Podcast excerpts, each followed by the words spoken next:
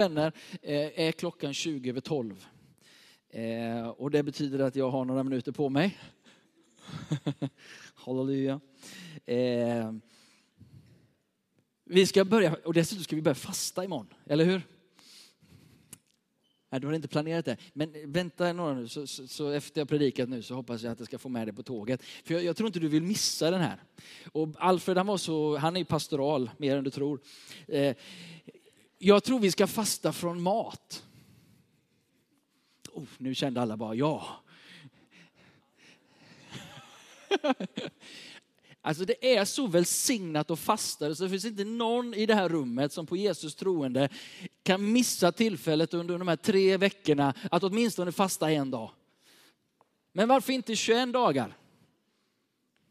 Tänker du, men ska jag leva på vatten? Är du gärn? Nej, men det sa jag inte. Men, men att fasta från mat, vi, vi kan vara väldigt bibliska och, och fortfarande äta, men man avstår från en del mat. Att den här tiden, göra precis som bibelordet sa. Vi har en stor sky av vittnen. Det är många som har gått före oss, vandrat på den här vägen. Författaren uppmanar oss att lägga bort allt som tynger. Ja.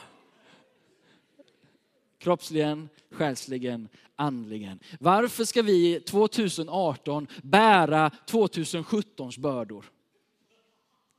Ja, men varför ska vi springa omkring med det som har med vår historia att göra? Varför ska vi springa omkring med, med för mycket runt midjan? På alla plan. Tänk om Gud under de här 21 dagarna på riktigt kan få göra någonting nytt i ditt liv. Tänk om han kunde få stiga in på ett nytt område och göra något helt nytt i ditt liv. Är det någon som vill ha något nytt i sitt liv, lyft handen nu. Ah, du skulle inte gjort det. För du vet vad jag är på väg. För vi ska löpa uthålligt. Vi ska nå våran topp. Eller hur? Och vi ska ha blicken fäst på Jesus. Vi ska ha blicken fäst på Jesus. Um, och det är det det handlar om. Hela fastan handlar om det. Det handlar bara om att, att ställa om fokus, att återfokusera, att få in hjärtats fokus där det ska vara. Om nu inte allt är en slump och allting inte bara uppstod av en fet smäll randomly och vi nu alla sitter här på grund av en stor smäll en dag. Utan det var faktiskt någon som sa var det ljus och sen blev det en smäll. Det är skillnaden. Att det var någon som sa och boom, allt blev till. Och så sitter du och jag här en stund senare och har förmånen att förankra våra liv in i denna någon.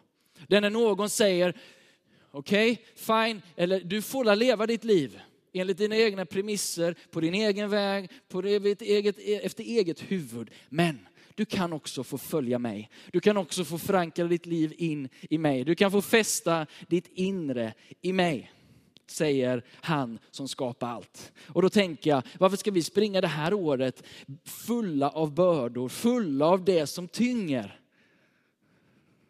När, när jag var liten krabat eller eh, typ mellanstadiet så hade vi jag vet inte var vi hade fått dem ifrån, men det var några tyngder som man kunde sätta på benen. Här, mm, säkert man hade när man skulle träna.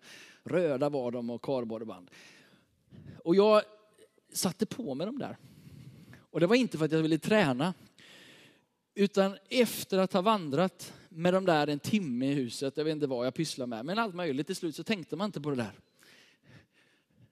Men jag var så ute efter känslan efteråt. För när du tar av dig de där kilorna som du har haft på benen, då kände du så här, ja men jag går ju på månen. Så sprang jag omkring där i huset och kände att livet var lätt. Arre. Varför ska vi löpa det här året tyngda av 2017s bördor eller tidigare? Varför ska vi inte få springa lätt det här året? Varför inte fästa blicken vid Jesus och under 21 dagar återkalibrera? Varför inte låta den där magen få vara din bön, en del av din bön? Det är så bibliskt som det kan bli förstår du. Varenda biblisk gestalt som har gjort något avtryck eller fått höra något från Gud, de har varit inne i det där. De har pillat på det där. Fastan. Och jag är ledsen, men fasta i biblisk mening har med mat att göra. Och det är väldigt hälsosamt sägs det dessutom. Jag är ingen hälsocoach, men om du slutar med socker så kommer du inte må, jo första dagarna kanske, när du går in i någon form av abstinens. Ta bort kaffet. Uff. Ja, men mat, dryck. Varför då? Ja, men någonstans bara, ja, men Gud, vad den jag än gör mig beroende av, vad den är som, som på olika sätt Gör som Daniel, det är dit vi är på väg. Daniel, läs om hans fasta. Vad gjorde han? Han avstod från det som var gott att dricka och äta. Han avsatte sig till grönsaker. Och det är inte så illa och käka grönsaker. Det är fantastiskt, eller hur? Det gjorde vi förra året och det är så jag och vi, eller jag kommer fasta under det här året. Men avstå från någonting, ställa om. Det finns olika sätt att göra det på. Men att göra det inför Herren. Vad som sker när Daniel går in i fastan, det är att himmelen börjar lyssna. Jag vet inte varför. Vad det har med min hunger att göra och hans lyssnare att göra. Men det är någonting som min hunger, min fasta, min avhållsamhet kommunicerar i himmelen. Min fasta, min, min, min, min kommunikation som säger till Gud, jag väljer att förankra mig hellre i det som har med dig att göra, än det som har med det här att göra. För jag vill att det som finns där ovan ska prägla det som finns här nere. Fastan blir ett sätt för mig att vrida om hela min varelse. Paul Orlenius, 37, snart 38 år gammal, fäster sig in i en verklighet som jag vill ska bli min verklighet. När Daniel fastar så, så börjar det hända saker och han ser inget bönesvar förrän tre veckor in i den fastan. Gud har redan hört det, Gud har redan agerat, men om du läser bibeltexten så händer det saker i himlarymderna. Det pågår en andlig strid över det som ska ske. Och det är när Daniel fastar och håller ut i fastan som bönesvaret förkroppsligas och blir ett genombrott på ett sånt sätt så att Israel går fria ifrån Babylonien. Det är genom bönen och fastan som den frigörelsen sker. Jag vet inte vad du sitter fast i eller vad som håller dig tillbaka eller vad som tynger dig eller vilken förändring du vill ha. Jag vet inte vad du säger inför Herren när ditt hjärta talar och säger Herre, det här önskar jag ske. Detta är mitt hjärtas längtan. Jag vet inte vad du har inför Herren det här året. Jag hoppas du har någonting inför Herren som du vill. Att det är någonting som Psaltaren 37 och 4 säger, har din glädje Herren, så ska han ge dig vad ditt hjärta begär. Jag har några saker inför Herren. Jag har en specifik sak inför Herren som jag de här tre veckorna kommer lyfta inför honom. Jag kommer söka hans ansikte, men jag kommer påminna honom om min begäran. Jag vill se det här ske Gud. Jag vet inte hur det ska ske, jag, vet, jag kan inte få till det, men jag vet att du är trofast. Jag vet att jag får komma till dig med mitt hjärtats begär och det behagar honom. Gud går igång på det. När hans barn vill någonting, när de önskar sig någonting, när de väljer att gå till honom för det de behöver. Han gillar när hans barn säger, till och med maten som är så grundläggande för oss, till, till och med det han har skapat för att du ska njuta av, så säger du, ja tack Gud, men nu är det mindre viktigt än att få komma nära dig och presentera mitt behov inför dig. Gud svarar på den bönen. Gud belönar den inställningen. Får jag säga så? Det sker någonting när Bibelns gestalter kommer inför Herren. När Ester står inför hela förstörelsen av Israels folk och hon och sina väninnor går in och fastar i tre dagar. Det förändrar hela historien för Israel. Tre dagar tog det då. Jesus ska ut i tjänst, Jesus ska börja det han ska göra. Men ingenting händer. Inte någon får förbön, inte någon börjar tro förrän han först har fastat. Eller hur? Det börjar med fastan. Det här året börjar vi med fasta. Det här året så sätter vi fokus för resten av det här året i fastan, i bönen. Oh, nu har jag satt ribban högt vänner. Ordspråken säger så här i 13 och 20. Den som umgås med visa blir vis. Den som är vän med dårar går det illa. Den här världen, säger Bibeln, i sin kunskap är dårskap jämfört med den vishet som finns hos Gud. Fastan är en inbjudan från Gud att umgås med han som är vis och se till att vi blir därefter. Fastan är att säga, jag väljer Guds visdom före min egen dårskap. Och dårskap här är inte nödvändigtvis att det är fel. Det är bara att det jämfört med det Gud säger är en annan dimension på det. Och jag önskar att välja förankra mitt liv in i det han säger än det jag tycker. Det jag tycker kan vara fantastiskt bra. Men den här församlingen kommer inte ha någon framtid om vi ska leda den utifrån hur Paul tycker. Det är ju ovidkommande vad jag tycker, såvida inte det råkar vara så att mitt tyckande ligger i linje med det Gud säger. Men den här församlingen har valt att vara ett bedjande folk som hellre vilar på Guds, då, eh, Guds dårskap, om du förstår mig. I världens ögon kanske vi är dårar. Det är precis omvänt va? Guds dårskap är världens, nej inte vishet, för det är det inte. Men den här världen betraktar hans vishet som dårskap. För vi tar steg som i det första läget verkar inte logiskt, men som ändå förvandlar vatten till vin. Och Gud kommer och gör sin grej. Det är det vi vill. Hörrni, låt mig eh, avsluta med att gå till Matteus evangelium kapitel 6. Ehm.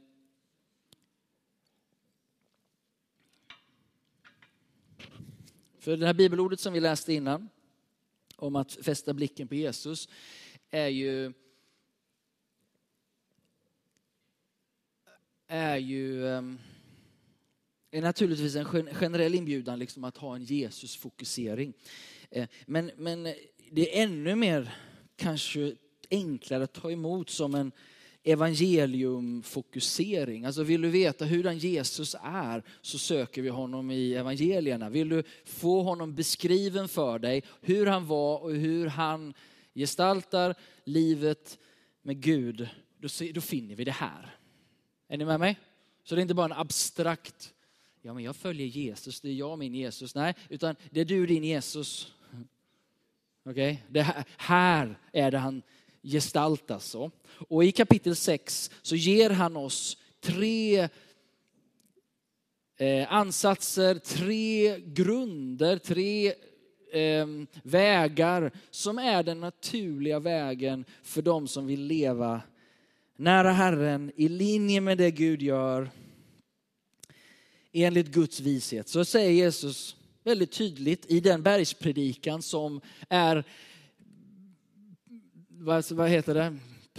predikornas predik, predikan. Alltså, vi, vi, vi pratar om den högsta ansedda predikan genom hela historien. Det är här Jesus lägger grunden för alla andra predikningar. Det är här vi hämtar grunden för hur han ger oss nycklar att leva ett liv i hans efterföljelse. Och då ger han tre anslag. När du ger, när du ber, när du fastar.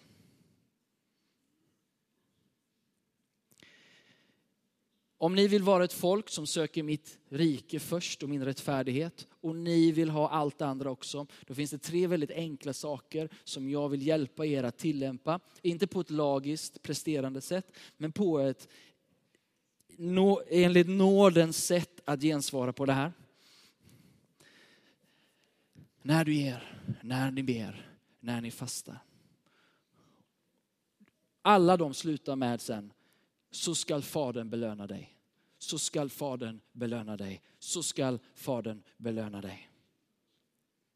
När vi söker Gud, precis som Anna berättade, utifrån där hon var i livet.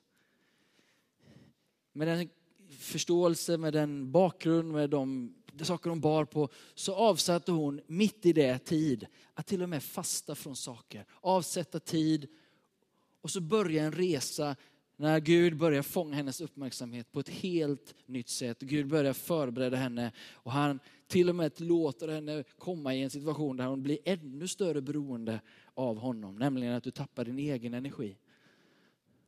Så innan det blev bättre blev det möjligen lite sämre. Och Gud i sin godhet kanske låter oss komma till slutet av oss själva för att ge honom det utrymme han förtjänar, behöver för att göra sitt fulla verk i oss. När vi ber så svarar han. Vare sig vi ber utifrån full uppenbarelse, ja men jag ber och jag ser det såklart och jag nämner det vid namn och jag får mina bönesvar. Ja, inte så ofta kanske, utan det är rätt knaggliga böner. Det är ett rop.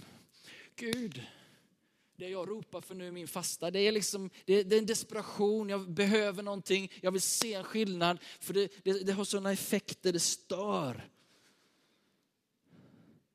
När jag ger, det här året är ett år då vi får plocka upp givandet och bara vara med och ge in i det som är vårt liv, det som är vår tillhörighet, det vi får vara med och välsigna den här församlingen om du är med här, det arbete vi står i, de människor som du känner, att vara generösa. Det här året börjar vi med fasta. Inte för att imponera på någon.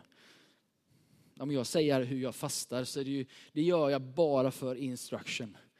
Alltså förstår du, jag, för mig är det ju, och ska man vara krass med bibelordet, du ska inte berätta hur du fastar. Ja, men jag, jag tänker vi måste nog berätta lite hur vi fastar. Jag, jag känner inte någon prestige i det. Men, men vi gör, om det skulle vara så, då skulle jag inte behöva berätta det. Men det här är någon, en, en, en konst, en, ett mönster som vi som Västerländsk kyrka tyvärr har tappat. Så vi behöver plocka upp de här sakerna. Och komma tillbaka i ett liv som fäster blicken hellre på Jesus, hellre är med honom, hellre ta och omfamna korsets dårskap än lever upp till världens visdom. Så här, jag gör det mest korkade i världens ögon och jag slutar äta mat och jag förväntar mig att bli belönad av det. Jag förväntar mig att min Gud hör min bön. Han är inte döv, han behöver vi inte vrida armen på. Vi gör det inte för att förtjäna, vi gör det för att uttrycka vår förankring, kärlek, koppling, tro, förtröstan. Det relationella orden som håller fastan i sin sundhet. Du kan inte vrida Guds arm.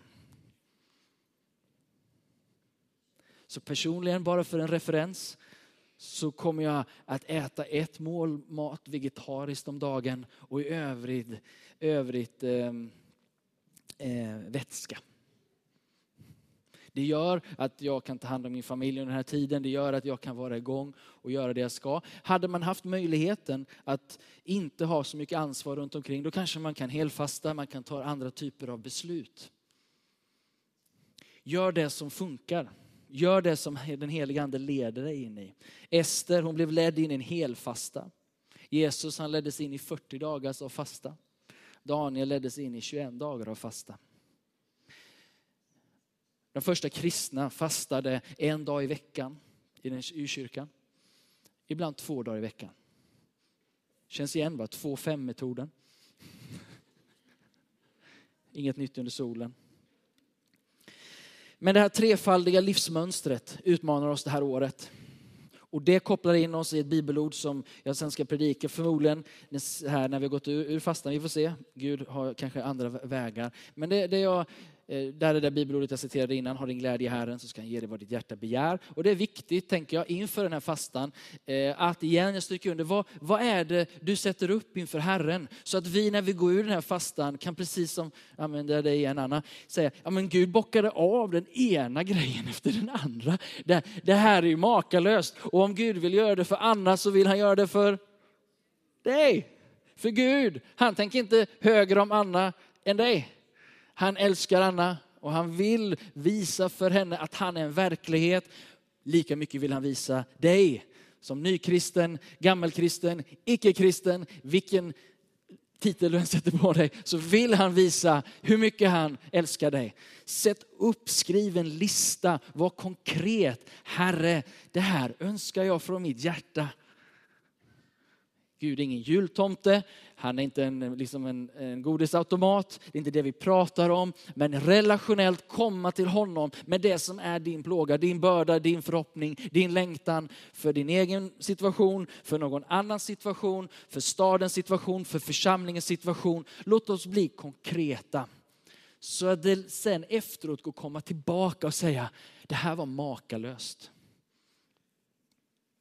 En sak som har varit för mig och Therese makalöst det här året, vet, vi har haft en sommarstuga och fick sälja den den här sommaren. Och det var ett mirakel när vi gjorde det. Och vi kan sitta och titta på så många saker. Det var, det var makalöst från början till slut. Och bara se tillbaka på saker, det kan vara av sån karaktär eller mindre karaktär. Men bara minnas att där gjorde Gud något speciellt för oss. Det kommunicerade hans kärlek.